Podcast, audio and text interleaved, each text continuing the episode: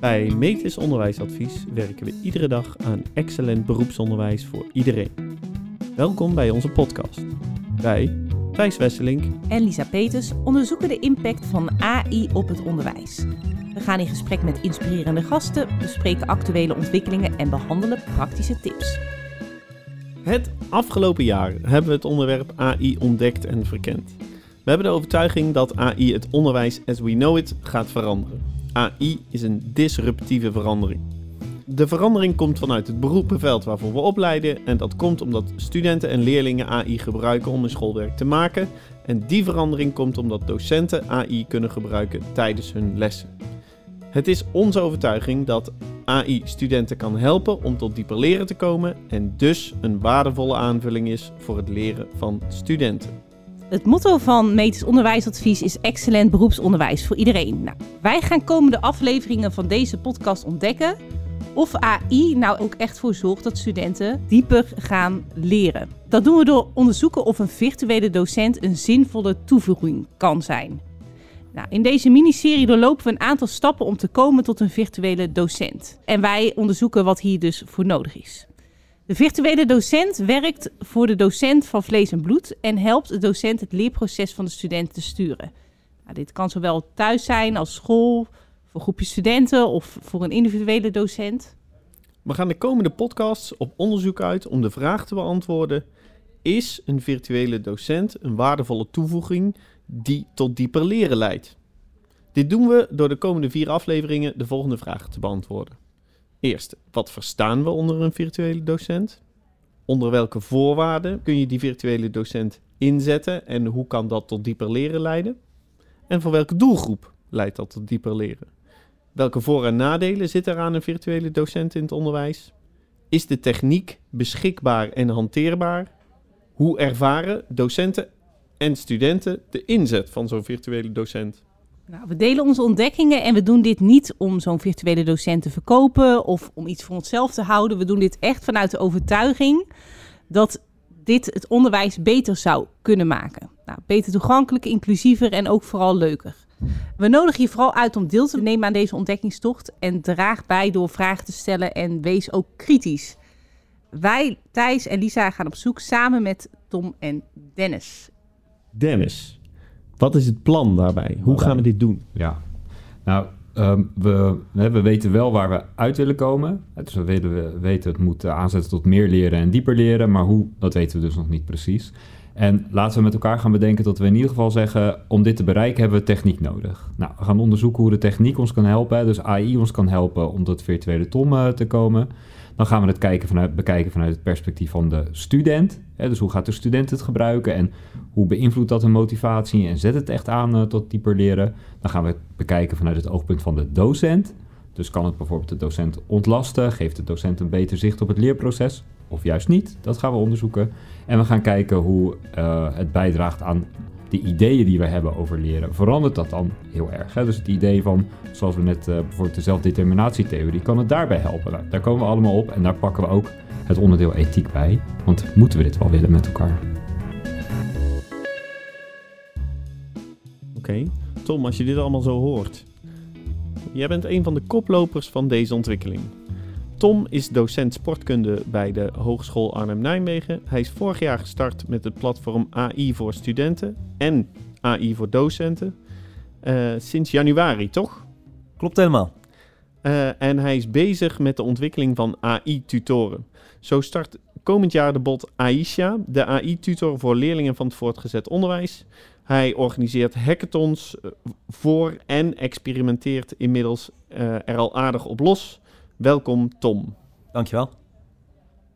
We hebben voor deze aflevering de podcast uitgebreid ook met onze collega en onderwijskundige expert Dennis. Hoi. Welkom Dennis.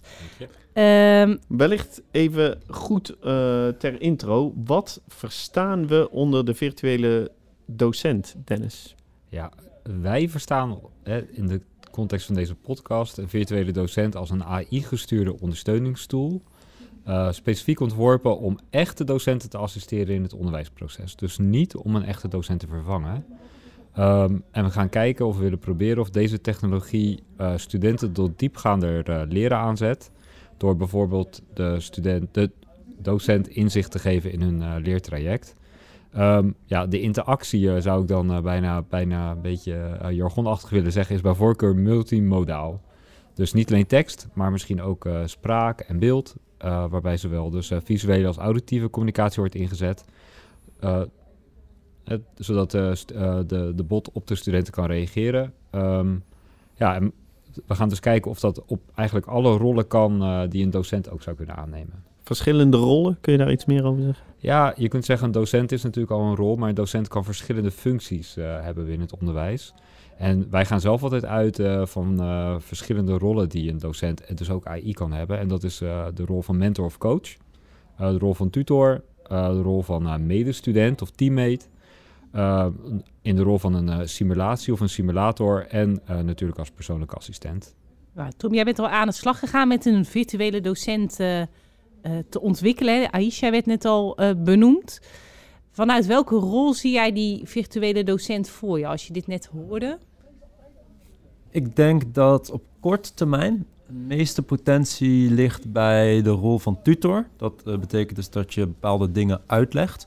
Nou, dat kan zo'n bot behoorlijk goed. We kunnen hem trainen op bepaalde data van een vak. Ehm, dus we kunnen hem eigenlijk nou, al, alle kennis en vaardigheden geven die eh, een echte docent ook heeft. En wat het grote voordeel is bij een, een virtuele docent, is dat die veel persoonlijker kan zijn. Dus op het voortgezet onderwijs werken we nog steeds met 30 leerlingen op één docent. Dat betekent dat nou ja, het, het, eh, wat, eh, wat er theorie eh, wordt besproken en hoe die lessen gaan, zullen echt niet gericht zijn op elke individu. Je hebt mensen die veel sneller gaan, je hebt mensen die wat meer uitleg nodig hebben. En met zo'n virtuele docent kan je volgens mij met die tutorrol dus heel veel dingen opvangen en het veel persoonlijker en leuker maken. Mooi. En dan misschien goed om de overstap naar het leren eh, te maken.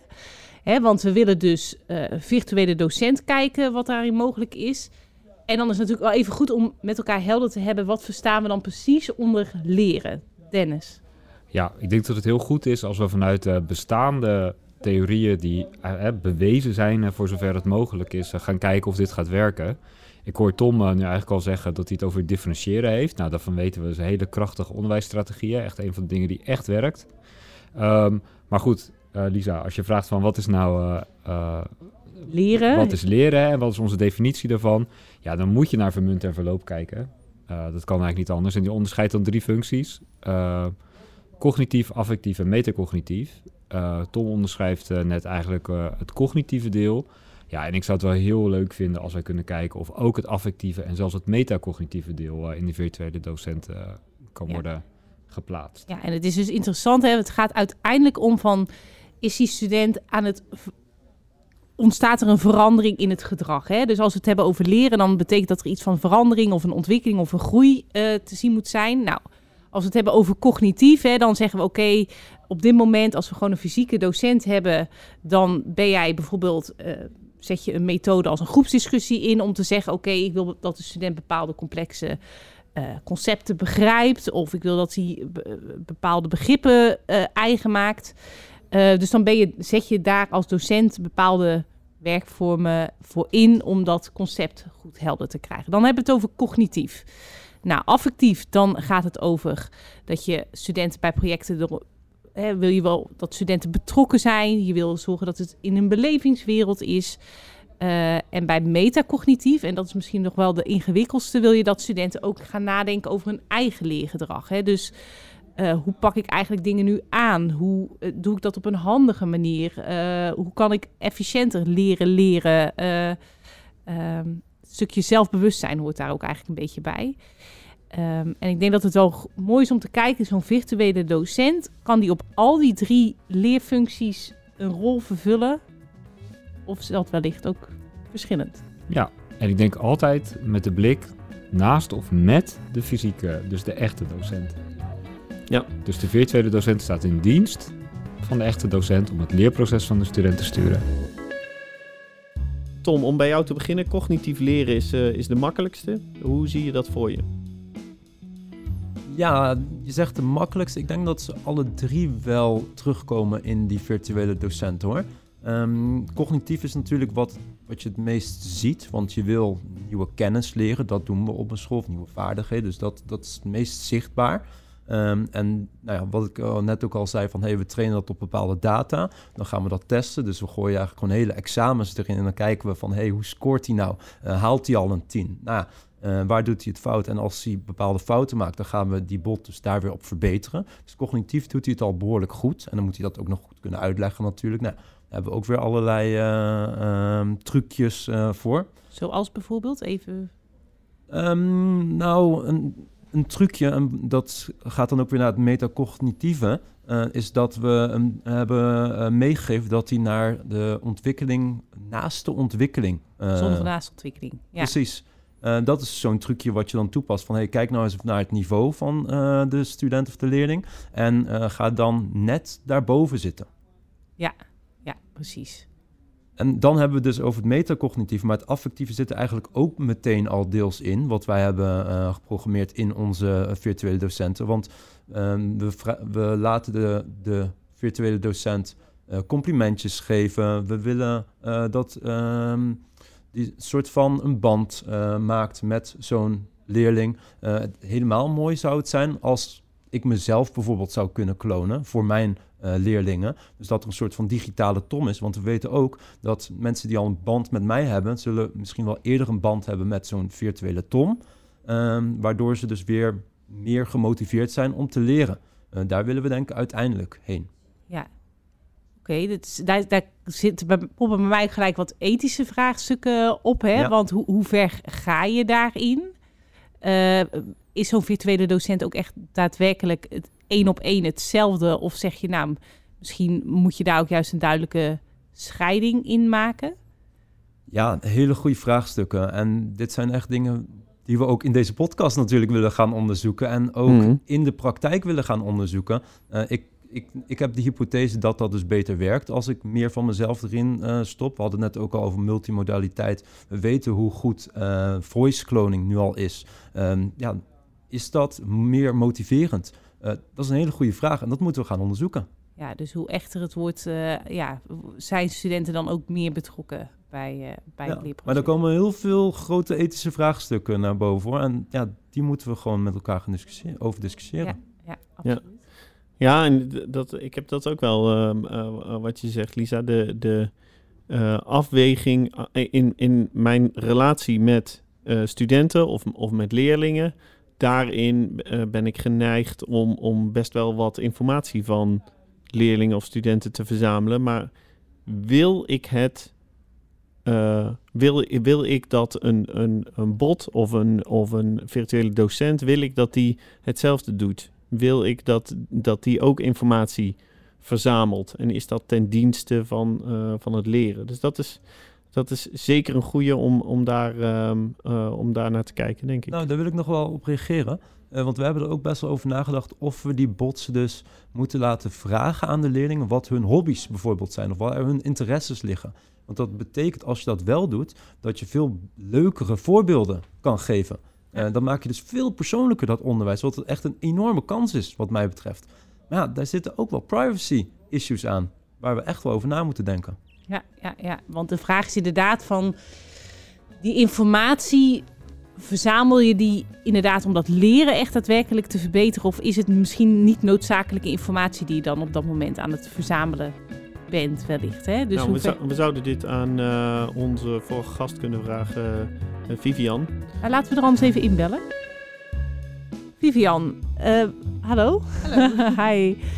Zouden wij jou wat vragen kunnen stellen? Want wij zijn dus die bot aan het ontwikkelen op dit moment. Nou ben ik uh, zelf, heb ik een, een, verleden in het primair onderwijs. En uh, als ik mijn, mijn lessen interessant wilde maken, dan wilde ik uh, ervoor zorgen dat ik zo, zo goed mogelijk aansloot bij de belevingswereld van, van mijn leerlingen. Als, het, was handig voor mij om te weten als, als Pietje op voetbal zat. Want als ik dan rekensommen ging maken, dan kon ik zeggen, nou, hoeveel voetballen liggen hier? Um, dus voor mij als docent is het handig om iets van mijn studenten te weten. Als ik dit projecteer op een, een AI-tutor, mag ik dan informatie van mijn studenten vragen? Mag ik mijn bot zo programmeren dat ik, dat ik uh, uh, naar hobby's vraag, bijvoorbeeld? Ik zou dat eh, wat verder naar moeten zoeken, ook met de, de reden waarom je dat zou willen. Maar mijn eerste gedachte zou zijn eh, nee, omdat je die informatie niet nodig hebt eh, voor de bot. Om economie uit te leggen heb je per, niet per se die informatie nodig. En dan is het handiger om eh, die informatie gewoon niet te vragen. Ja, dan, dan blijf je er rechtswege in ieder geval uit, dat, uit dat gebied. Want Ja. eh, persoonsgegevens zijn een dingetje, toch? Dat- ja, persoonsgegevens zijn een dingetje. We hebben in Nederland, eh, ja, eigenlijk in heel Europa, de Algemene Verordening Gegevensbescherming. En die geeft regels wanneer je bepaalde gegevens wel en niet mag gebruiken. Je mag namelijk niet zomaar, omdat je het leuk vindt, allerlei gegevens gaan verzamelen. Dus het is nodig dat je, je hebt een tool nodig. er er moet een rechtvaardigingsgrond voor zijn. Eh, dat je eh, bijvoorbeeld, je hebt het per se nodig om, eh de informatie per se nodig. Dan kun je daar inderdaad om vragen. Maar in het geval van zo'n teacherbot zou ik zeggen dat die hobby's daar niet per se noodzakelijk voor zijn. Dus dan is het beter om ze gewoon niet te vragen. Hiermee hebben we het cognitieve stuk, eh, denk ik, aardig behandeld. Eh, eh, Dennis, in de affectieve leerfunctie, daar valt ook wel wat over te zeggen. Ja, als je het zou samenvatten, is die affectieve functie hè, de beïnvloeding van de student. Hè, in het geval eh, van eh, de virtuele docent door bijvoorbeeld ChatGPT. Om de gevoelens van de student of de emotionele, de emotionele reactie van de student op het onderwijs of de taak die hij moet verrichten, om die te beïnvloeden. Ja, we zien dat ChatGPT daar inderdaad best goed in is, hoe die reageert. Hè? Dus eh, empathie tonen en begrip tonen. Maar ik vind het nog wel spannend, want dit gaat over echte emoties. En eh, ja, in hoeverre vinden we dat eigenlijk ethisch verstandig? Dat we iets dat geen emoties heeft of toont, heel doelmatig emoties eh, en daardoor gedrag van echte mensen gaat eh, beïnvloeden. Ehm, in de gedragswetenschap zeggen ze vaak van ja, het is pas onethisch als je gedrag gaat oproepen dat eigenlijk degene bij je het wil doen, dat van zichzelf niet wil. Hè? Dus het is, blijft ethisch als het gedrag is dat, is dat die student ook zelf zou willen vertonen. Maar ja, ik vind dit toch wel, Ja. wel een eh, slippery slope. Maar ja, tegelijkertijd op het moment dat jij dus inderdaad als eh, middelbare scholier in het voortgezet onderwijs ehm, tegen een bepaald begrip wat je maar niet begrijpt en je vraagt aan jouw virtuele docent en die zegt ehm, begripvol naar jou, dat het niet erg is dat je het nog niet begrijpt, dat je op een motiverende manier jou aanspreekt, ja, dat zijn tegelijkertijd wel als dat manieren zijn om zo'n student eh, in de actiestand te komen, Maar ja, door emoties te bespelen, hè? Zo, zo, dat is de, de spiegel, zo zou je het ook eh, kunnen zeggen. Het hoeft niet verkeerd te zijn, maar ik vind het wel, eh, ik vind het wel spannend. Ehm, aan de andere kant ja, doen we dat als echte docenten in het onderwijs natuurlijk ook dagelijks en soms ook onbewust. Hè? Tom noemde net al de zonde van naaste ontwikkeling. Ja, dan ben je ook bezig om aan het zelfvertrouwen eh, van studenten te bouwen. En ben je ook bezig om de motivatie te vergroten. Ja, goed, maar we zitten, we zitten ook op, op de helling. Wat we, vinden we dat een echte docent wel mag en wat mag een virtuele docent niet? Willen we dat daar het- hetzelfde in, eh, eh, in kan? Of Dus- mag de virtuele docent het wel als de echte docent daar opdracht eh, toe geeft? Tom. Ehm, ik wil het ook nog wel even vergelijken met andere media die we gebruiken om gedrag te beïnvloeden. Bijvoorbeeld social media. Nou, daar weten we dat er allerlei mechanismen erin zitten om zo lang mogelijk op die social media te zitten. Nou, dit zou je eigenlijk ook een bruggetje kunnen maken dat we zoveel mogelijk moeten doen om die leerlingen zo lang mogelijk aan het leren te houden. Mooi. Ja, als je, mits je transparant bent over de mechanismes die je daarin gebruikt. Maar aan zich even samenvattend zeggen we dus, en dat eh, eh, zo'n virtuele docent, wat we weten wat er technisch nu mogelijk is, kun je best wel wat tools meegeven om die cognitieve leerfunctie aan te spreken. Hè? Dus je kunt oefeningen aangeven, je kunt vragen stellen, je kunt eh, nou ja, allerlei activiteiten of de antwoorden analyseren, waar zitten mogelijke fouten in. Affectief kan zo'n bot ook best wel veel. Alleen daar begint bij ons een beetje zo van: oké, hoe ver mag je daarin gaan om die eh, student te motiveren? Als je Tom's argument hoort, denk je, nou, liever op eh, dat leerplatform dan op social media. Maar ook daarin kan ik me wel voorstellen dat ouders en misschien ook studenten in de toekomst wel zeggen: Nou, ik vond het toch niet zo prettig. eh, eh, ehm, hoe, hoe, ver daar die chatbot eh, informatie van mij aan het eh, verzamelen was om mij betrokken te houden. Ehm, als we inzoomen naar die laatste, hè, want dat is ongeveer hetgeen als een soort van hoogste doel van onderwijs dat studenten ook metacognitief zichzelf kunnen sturen, dus kunnen leren leren. Hoe zien wij dat zo'n chatbot daartoe in staat is? Zou die dat kunnen, überhaupt? Als ik daarmee mag beginnen. Ik denk op dit moment dat het best wel moeilijk is. Omdat we nu, eh, als we het hebben over bijvoorbeeld ChatGPT, die heeft um, het, geheugen zit in één chat window. Uh, en het volgende is, dan begin je eigenlijk weer helemaal opnieuw. Dus dan moet hij je weer helemaal opnieuw leren kennen. En als je het hebt over leren leren, dan wil je best wel veel informatie over zo'n student hebben. Nou, dat, dat lukt gewoon op dit moment nog niet. Ik denk wel dat we in de toekomst die mogelijkheden gaan krijgen. Dan is de vraag nog of we daar naartoe moeten gaan. Ja, precies. Ik kreeg afgelopen week nog in mijn LinkedIn een berichtje van uh, een van degenen die wij ook in de podcastserie hebben gesproken. Die liet zien in China hè, van die filmpjes waarbij gewoon letterlijk een opgepopt wordt. Hoe lang ben je geconcentreerd met de taak bezig? Ben je afgeleid? Zit je op dit moment naar iets anders te kijken? Ja, daarmee zou je mogelijk kunnen zien van uh, hoe pakt iemand zijn leerwerken aan. Maar de vraag is inderdaad, hoe ver zou je daarin willen gaan? Want dat, dat, dat, dat gaat mij in ieder geval griezelen dat uh, mogelijk mijn kinderen in dit soort uh, onderwijssystemen terecht zouden komen. Nou, nou, op dat stuk zeker ook. Maar ja, je antwoord met, met, met ja ja, ja, precies. Ik, ik denk dat, dat er ook in het vlak zoals er nu is bij, bij GPT-4, dat er wel mogelijkheden zijn om metacognitieve strategieën aan te reiken en dat die daar best in, in te programmeren zijn. Waarin je reflectieve vragen kan stellen. Hoe kijk je terug op je eigen leerproces?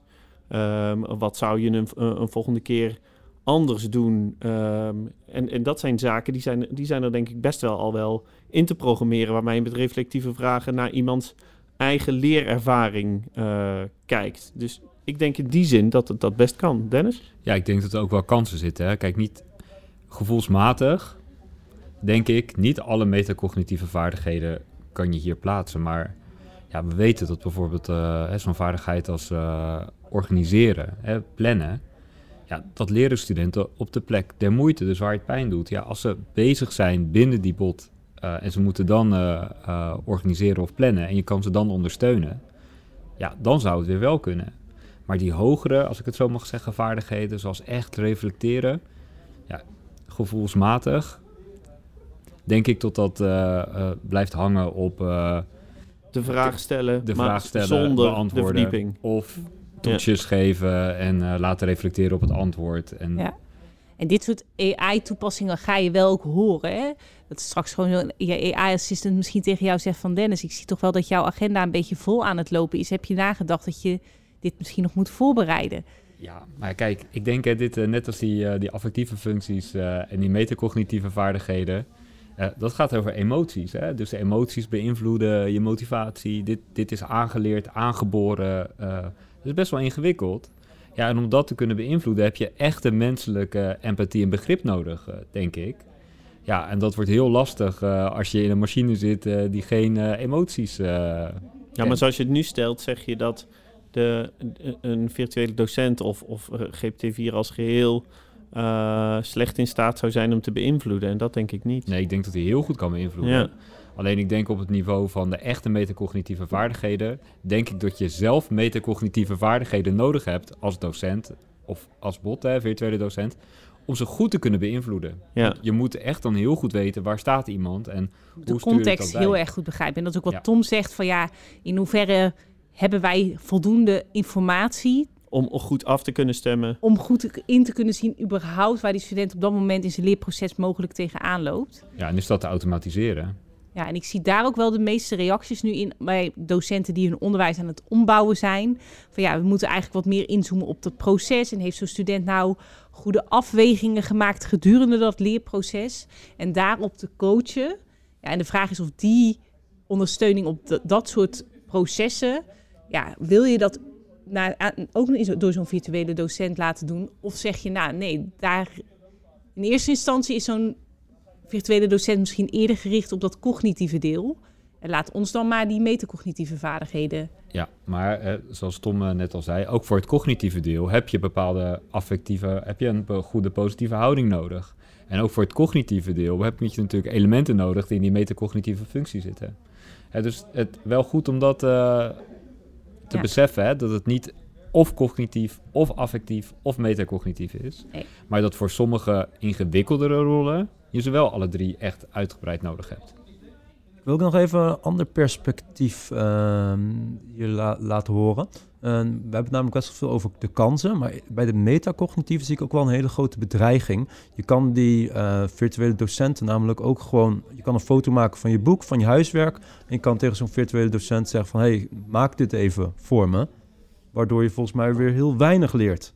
Ja. Dus daar zit ook wel een hele grote bedreiging volgens mij. Als ze niet weten hoe ze moeten leren, hoe ze met deze technologie om moeten gaan, zit daar een enorme bedreiging.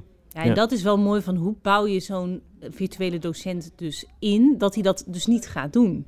Hè, want uiteindelijk wil je links of rechts, omdat de student in de actie- en denkstand gezet wordt. Ja, wacht even, om dit te, dit te verduidelijken, hoe bouw je hem in? En dan heb je het hier over de rol van de docent, hoe dat je hem in het onderwijs inbouwt.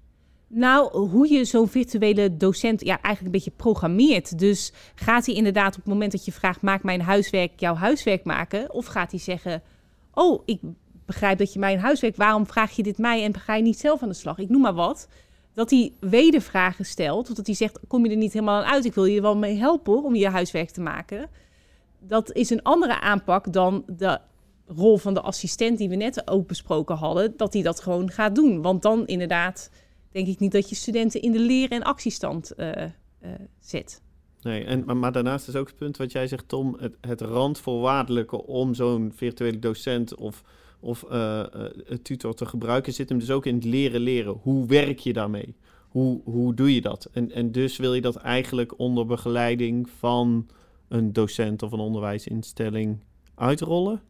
Vraagteken? Ja, ik denk dat het een slap kort is. eh, omdat je aan alle twee manieren het zelfregulerend leren zou kunnen ondermijnen. Hè, dus in de situatie van ik ga je niet helpen met het maken van je huiswerk, ondermijn je eigenlijk ook het zelfregulerend leren. En in de situatie dat je zegt ja hoor, ik maak het wel voor je, ondermijn je ook het eh, zelfregulerend leren. Aan de ene kant creëer je afhankelijkheid en aan de andere kant een soort van schijnwerkelijkheid. Ehm nou, vind ik nog wel ingewikkeld. Kijkend naar die voorwaarden om tot leren te komen, laten we dat eens even doen aan de hand van een voorbeeld. Fast forward naar 2000, eh, einde van 2024. Tom, studenten die eh, komen bij jou net eh, de klas uit, die gaan naar huis. Hoe ziet dat eruit? Ja, en goed dat je benoemt dat ze nog steeds mijn klas uitkomen, want ik denk dat dat onderwijs waarin ik de docent ben echt nog wel blijft bestaan. Ze komen thuis, ze moeten nog wat doen, ze hebben namelijk opdrachten meegekregen. En je kan dus dan met digitale Tom praten of een andere virtuele docent. Ehm, daar kan je van alles aan vragen. Misschien heb je iets helemaal niet begrepen wat ik in mijn les heb uitgelegd. Dat kan je op, op tientallen manieren uitgelegd krijgen eh, door die virtuele bot. Eh, je kan bepaalde opdrachten samen eh, ermee gaan maken. Je kan de diepte ingaan. Ik hoop heel erg dat je voorbeelden krijgt op jouw eigen interesses. Ehm, ja, ik denk dat er een veel gepersonaliseerde manier is van leren dan we nu doen. Ja, en Tom, een van de dingen op het moment dat je onderwijs aan het maken bent, is dat je heldere doelen voor ogen hebt eh, met jouw onderwijs. Dat eh, zou je met je, heb je met jouw vak eh, ook. Hoe zorg je ervoor dat die virtuele docent daarop aanhaakt? Hoe je dat doet? Ja. Nou, dat kan je vrij makkelijk programmeren bij zo'n bot. Dus daar geef je hem gewoon die leerdoelen mee. Dus dit is heel erg belangrijk. Hier moeten we heen met de leerling. Dus je geeft hem in ieder geval de context van die doelen. Daar doet die virtuele docent hetzelfde in als jij als fysieke. Ja, dat, dat heeft heel erg te maken met die constructive alignment. Dat moet er heel duidelijk in zitten. Ja. Oké, en ehm, je zegt net, eh, die student die krijgt, eh, die krijgt opdrachten, krijgt die, eh, krijgt die mee? Zitten die opdrachten ook in die eh, virtuele docent? Dat zou helemaal mooi zijn, maar ik denk nog niet dat we daar zo ver al mee zijn komend jaar. Ehm, ik denk dat er nog steeds methodes zijn. We, eh, je kan de vakken nu ook niet in één keer helemaal omgooien natuurlijk. Zo snel gaat dat in het onderwijs Nee. niet. Dus jij ziet hem vooral als een soort van vraagbaak die je op dat moment Ja, zo zou je kunnen zien, ja. Het Ja. is niet een soort van geïntegreerde methode waar die dan ook nog eh die Daar zijn we nog lang niet, denk Nee. ik. Nee. Nee, maar hij beschikt wel, eh, of hij, het moet ik zeggen, het beschikt wel over over de doelen. En als je dan eh, eh, eh, vraagt om daar eh, opdrachten mee te maken, dan zou het systeem daar wel van, eh, eh, eh, van feedback kunnen voorzien. Absoluut. Feedback vragen is een hele mooie eh, eh, manier om dat in te zetten. Ja. Een chatbot. Ja. Absoluut. Ja, ja.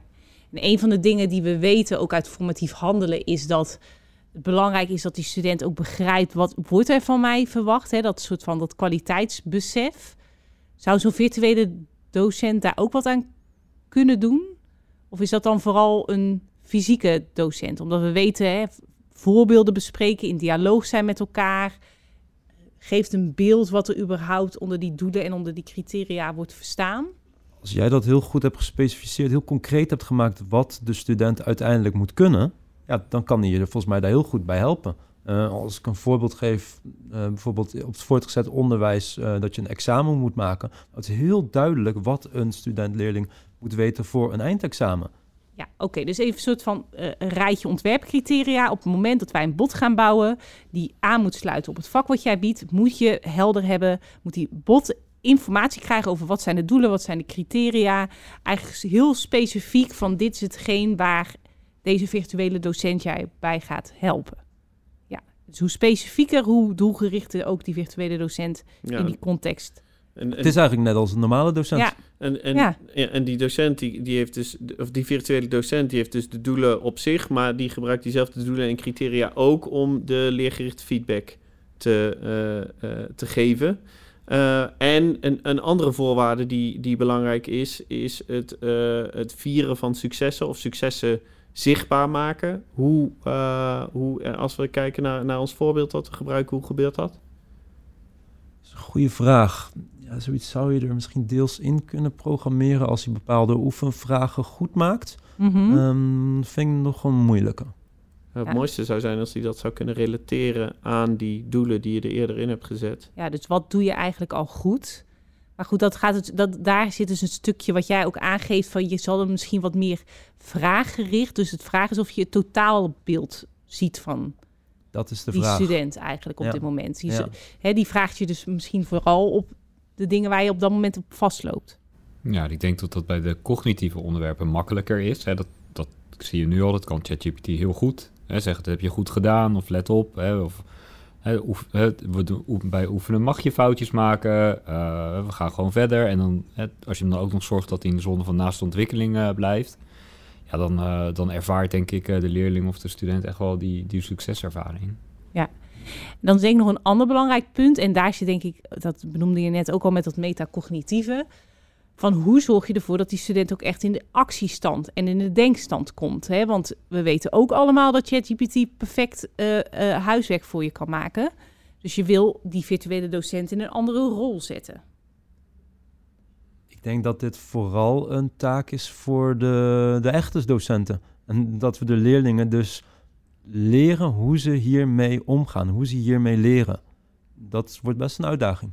Ja, kan je niet zo'n virtuele docent zorgen dat hij dus niet kant-en-klare, haplare... ehm, Hapklare brokken maakt eigenlijk. ja, dus dat hij echt in een docentrol stapt. Absoluut dat je dat kan programmeren. Ehm, dus je kan hem echt wel eh, programmeren van... hey, geef niet het goede antwoord in één keer. Vraag eerst naar wat de leerling al heeft gedaan... en laten we het daar dan over hebben. Dat kan je absoluut programmeren. Ja. Maar ja, daar zitten ook wel weer haken en ogen aan hoor. Bijvoorbeeld als ik eh, zelf net al die eh, sommen heb gemaakt... dan wil ik gewoon weten of ik het goed heb. Dus geef even gewoon het antwoord. En eh, betekent dat dan dat als een student naar huis komt eh, of naar huis gaat en hij heeft die dag vier vakken gehad, dat hij dan vier van die eh, digitale docenten opent? Ik denk in 2024 zeker nog wel. Ik denk het ook wel. Want je, je merkt toch wel precies waar we het over hadden, over dat, dat specifieke. We hadden het zelfs eigenlijk ook nog over van een specifieke vaardigheid. En misschien zelfs wel binnen een vak heb je misschien nog wel een specifieke deelvaardigheid die zo specifieke context vraagt. Dat je die misschien zelfs nog wel specifieker moet maken. Ik denk dat dat wel een hele goede toets is ook om te gaan maken, ook in deze miniserie van ja, Het is in ieder geval makkelijker in het on- ontwerp. Hoe specifieker je het maakt, hoe makkelijker het wordt in, in het ontwerp. Op het moment namelijk dat je, als we net zeggen, die, die leeuwen erin zetten, is, is belangrijk. op het moment dat je de, de leerdoelen van een heel jaar ergens, ergens inzet, ehm, hoe gericht is die feedback dan? En in welke mate kan er dan gefaseerd worden om die, die student betrokken te houden? Ik denk dat het voor, voor, voor ons ontwerp veel makkelijker is om dat klein en, en eh, specifieker te houden dan om dat, ehm, om dat heel breed in te zetten. Ja, dus dat betekent dat we, eh, als ik dit zo samenvat, dat we in 2024 ervan uitgaan dat we virtuele docenten hebben die aan een echte docent zijn gekoppeld. En uh, dus op een bepaald specifiek vak, vakgebied of vaardigheid de studenten of de leerlingen ondersteunen bij het competent worden. Hè? Dus het, het, het kunnen aantonen van dat vak of die vaardigheid. Ja. En dat je dus voor meerdere vakken meerdere van deze virtuele docenten uh, nodig hebt. Ja. En waar ik ook wel nieuwsgierig naar ben en wat denk ik wat je mee kan geven, is dat je dus van tevoren ook goed nadenkt. Wat zijn nou bepaalde fouten of misconcepties die we vaak zien wat er fout gaat bij dit vak? Hè, want je wil misschien wel daar ook specifieke ondersteuning op plaats laten vinden. Zodat hij ook weet, oké, welke vragen moet ik bijvoorbeeld stellen op het moment dat ik student deze fouten zie maken? Of welke oefeningen ga ik hem geven? En hoe nauwkeuriger je dat voor ogen hebt, denk ik, hoe waardevoller die uh, feedback gaat zijn die je in dat... Ja. Nee, je bedoelt de herkenbare fouten. Hè? Die, als je iets nieuws leert, dan zijn er vaak typische fouten die door een ja. klas of groep of een leerpopulatie worden gemaakt. En uh, die kun je eigenlijk op voorhand kun je die, uh, in, in de virtuele docenten inbouwen. Ja, dat je dan zegt, oké, okay, geef dan deze ondersteuningsoefeningen op het moment dat je ziet dat iemand die maakt. Ja. Ja, we, we, hebben wel eens eerder in onze podcast benoemd dat die expertpositie super belangrijk is. Maar, maar dat geldt dan bij het ontwikkelen van zo'n virtuele docent echt helemaal. Ja. Je moet echt van de hoed en de rand weten, wil je kwalitatief onderwijs kunnen ontwerpen. Ja, ik denk zo'n zo'n chatbot bouwde. Nou, ik denk dat we iedereen willen oproepen die met dit idee speelt om met ons die reis samen te maken. Maar je zal heel goed na moeten denken, wat wil je met je onderwijs bereiken? Hoe ziet dat leerpad er normaal gesproken uit? Waar zie je dat studenten vaak extra ondersteuning op nodig hebben? Hoe bied je die ondersteuning dan op een handige manier aan? Denk ik, hoe oud, meer uitgedacht je dat hebt, hoe beter zo'n bot ook zal gaan werken. Ja, technologie is natuurlijk altijd in ontwikkeling. Dat hebben we natuurlijk de afgelopen jaar gezien. Hè. Het is veel sneller gegaan dan we Klein dachten. beetje maar, klein, beetje ontwikkeling. Um, ik vind het wel interessant om eens na te denken van... als dit nu wat wij ontwikkelen niet het eindpunt is... Hè, maar dat we ervan uitgaan dat die technologische ontwikkeling... Uh, dezelfde curve laat zien als die we hebben gezien vorig jaar... ja, dan is dit misschien wel het beginpunt. Ja, nou, uh, ik vind dat wel goed om daarover na te denken. Uh, wat wordt dat dan voor virtuele docent? Even, wat ik nog wel even als slot, wat namelijk denk ik ook heel waardevol is, is die keuze die je aan studenten kunt geven. Dus differentiëren in voorbeelden, uh, aangeven wil je het liever zo oefenen of zo oefenen. Dat zijn precies de dingen die eigenlijk in het uh, fysieke onderwijs soms lastig zijn, maar je kunt denk ik juist veel meer maatwerk bieden nou, als ik daar een voorbeeld van uh, mag geven. Ik, ik heb dus de laatste tijd heel veel van die uh, bots gebouwd. Bijvoorbeeld ook Engels op VWO-niveau, Aisha. Um, dan kan je dus nu uh, in gesprek gaan met die chatbot in het Engels. En dan vraagt van, hey, met welk personage wil je praten? Dan zeg je bijvoorbeeld Harry Potter als je daar fan van bent. En dan ga je dus een soort van in gesprek met Harry Potter in het Engels. Ja. Nou, hoe leuk wordt leren dan ja. op die manier? En dan, ja. um, wat ook in 2024 echt wel bij gaat komen, is dat het dus niet alleen in chatvorm is, maar dus dat het ook nog wordt uitgesproken. En dat jij kan praten uh, in die microfoon. Ik zie zoveel mogelijkheden voor me. Dat wordt echt heel vet. Heel vet. Ja, en dat is dan gelijk weer de vraag, want dan ga je dan de stem van die student opslaan in zo'n systeem. Maar qua leren is het natuurlijk super interessant dat je feedback krijgt op je uitspraak of weet ik het wat, hè?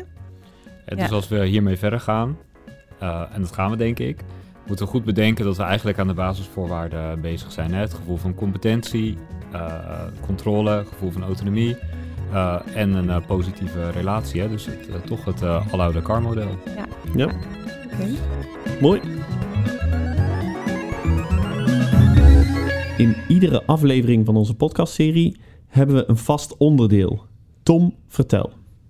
Ja, we gaan uh, practice what you preach. Dus wij gaan AI gebruiken en uh, concreet ChatGPT gaan we gebruiken om feedback te vragen op onze podcast. En dat gaan we nu ook doen. Ha, ChatGPT, welkom in onze podcast. Je hebt net heel de transcriptie gehad van onze podcast tot nu toe. Zou je eens kort aan kunnen geven wat jij van het idee vindt van Digitale Tom? Bedankt voor het verwelkomen in jullie podcast. Het idee van digitale toms vind ik intrigerend en potentieel waardevol voor het onderwijs. Het biedt kansen voor meer toegankelijk en gepersonaliseerd leren. Echter, het is belangrijk om aandacht te besteden aan ethische aspecten en privacybescherming. Ook is het essentieel om te erkennen dat AI een aanvulling is op menselijke docenten en niet een vervanging. De unieke menselijke kwaliteiten, zoals emotionele intelligentie en creatief denkvermogen, blijven cruciaal in het onderwijs. Het gaat dus om een evenwichtige integratie van technologie met traditionele onderwijsmethoden. Nou, bedankt voor deze feedback. En als je nou kijkt naar aflevering 2, welke drie tips zou je ons dan kunnen geven? En let er wel op, hou het kort. Voor aflevering 2, hier zijn drie korte tips. 1. Expert interviews. Nodig een AI-expert of een ervaren onderwijzer uit om praktische inzichten en ervaringen te delen. 2. Luisteraarsbetrokkenheid. Vraag luisteraars om hun ervaringen of vragen over AI in het onderwijs om zo de discussie te verrijken. 3. Focus op ethiek. Besteed aandacht aan de ethische aspecten van AI in het onderwijs, zoals privacy en gelijkheid in toegang tot onderwijs. Nou, dat zijn drie hele goede tips. Uh, wij gaan wel uit van het principe human in the lead. Uh, en wij willen de volgende aflevering willen we ook gaan inzoomen op het stukje techniek. Hoe kunnen we het nou technisch allemaal voor elkaar krijgen? Uh, maar de tip van op zoek gaan naar experts is zeker een goede. Uh, en die tweede tip, de betrek luisteraars erbij. Nou, dat vind ik sowieso een goede. En hierbij ook de oproep aan iedereen die deze podcast luistert. Doe mee, denk mee en heb je vragen uh, benader ons, uh, geef ons feedback. Wij weten er natuurlijk het een en het ander van, maar heb je jezelf nog een, een andere of een betere gedachte over? Laat het ons weten. Voor nu, hartelijk dank voor het luisteren en tot de volgende keer.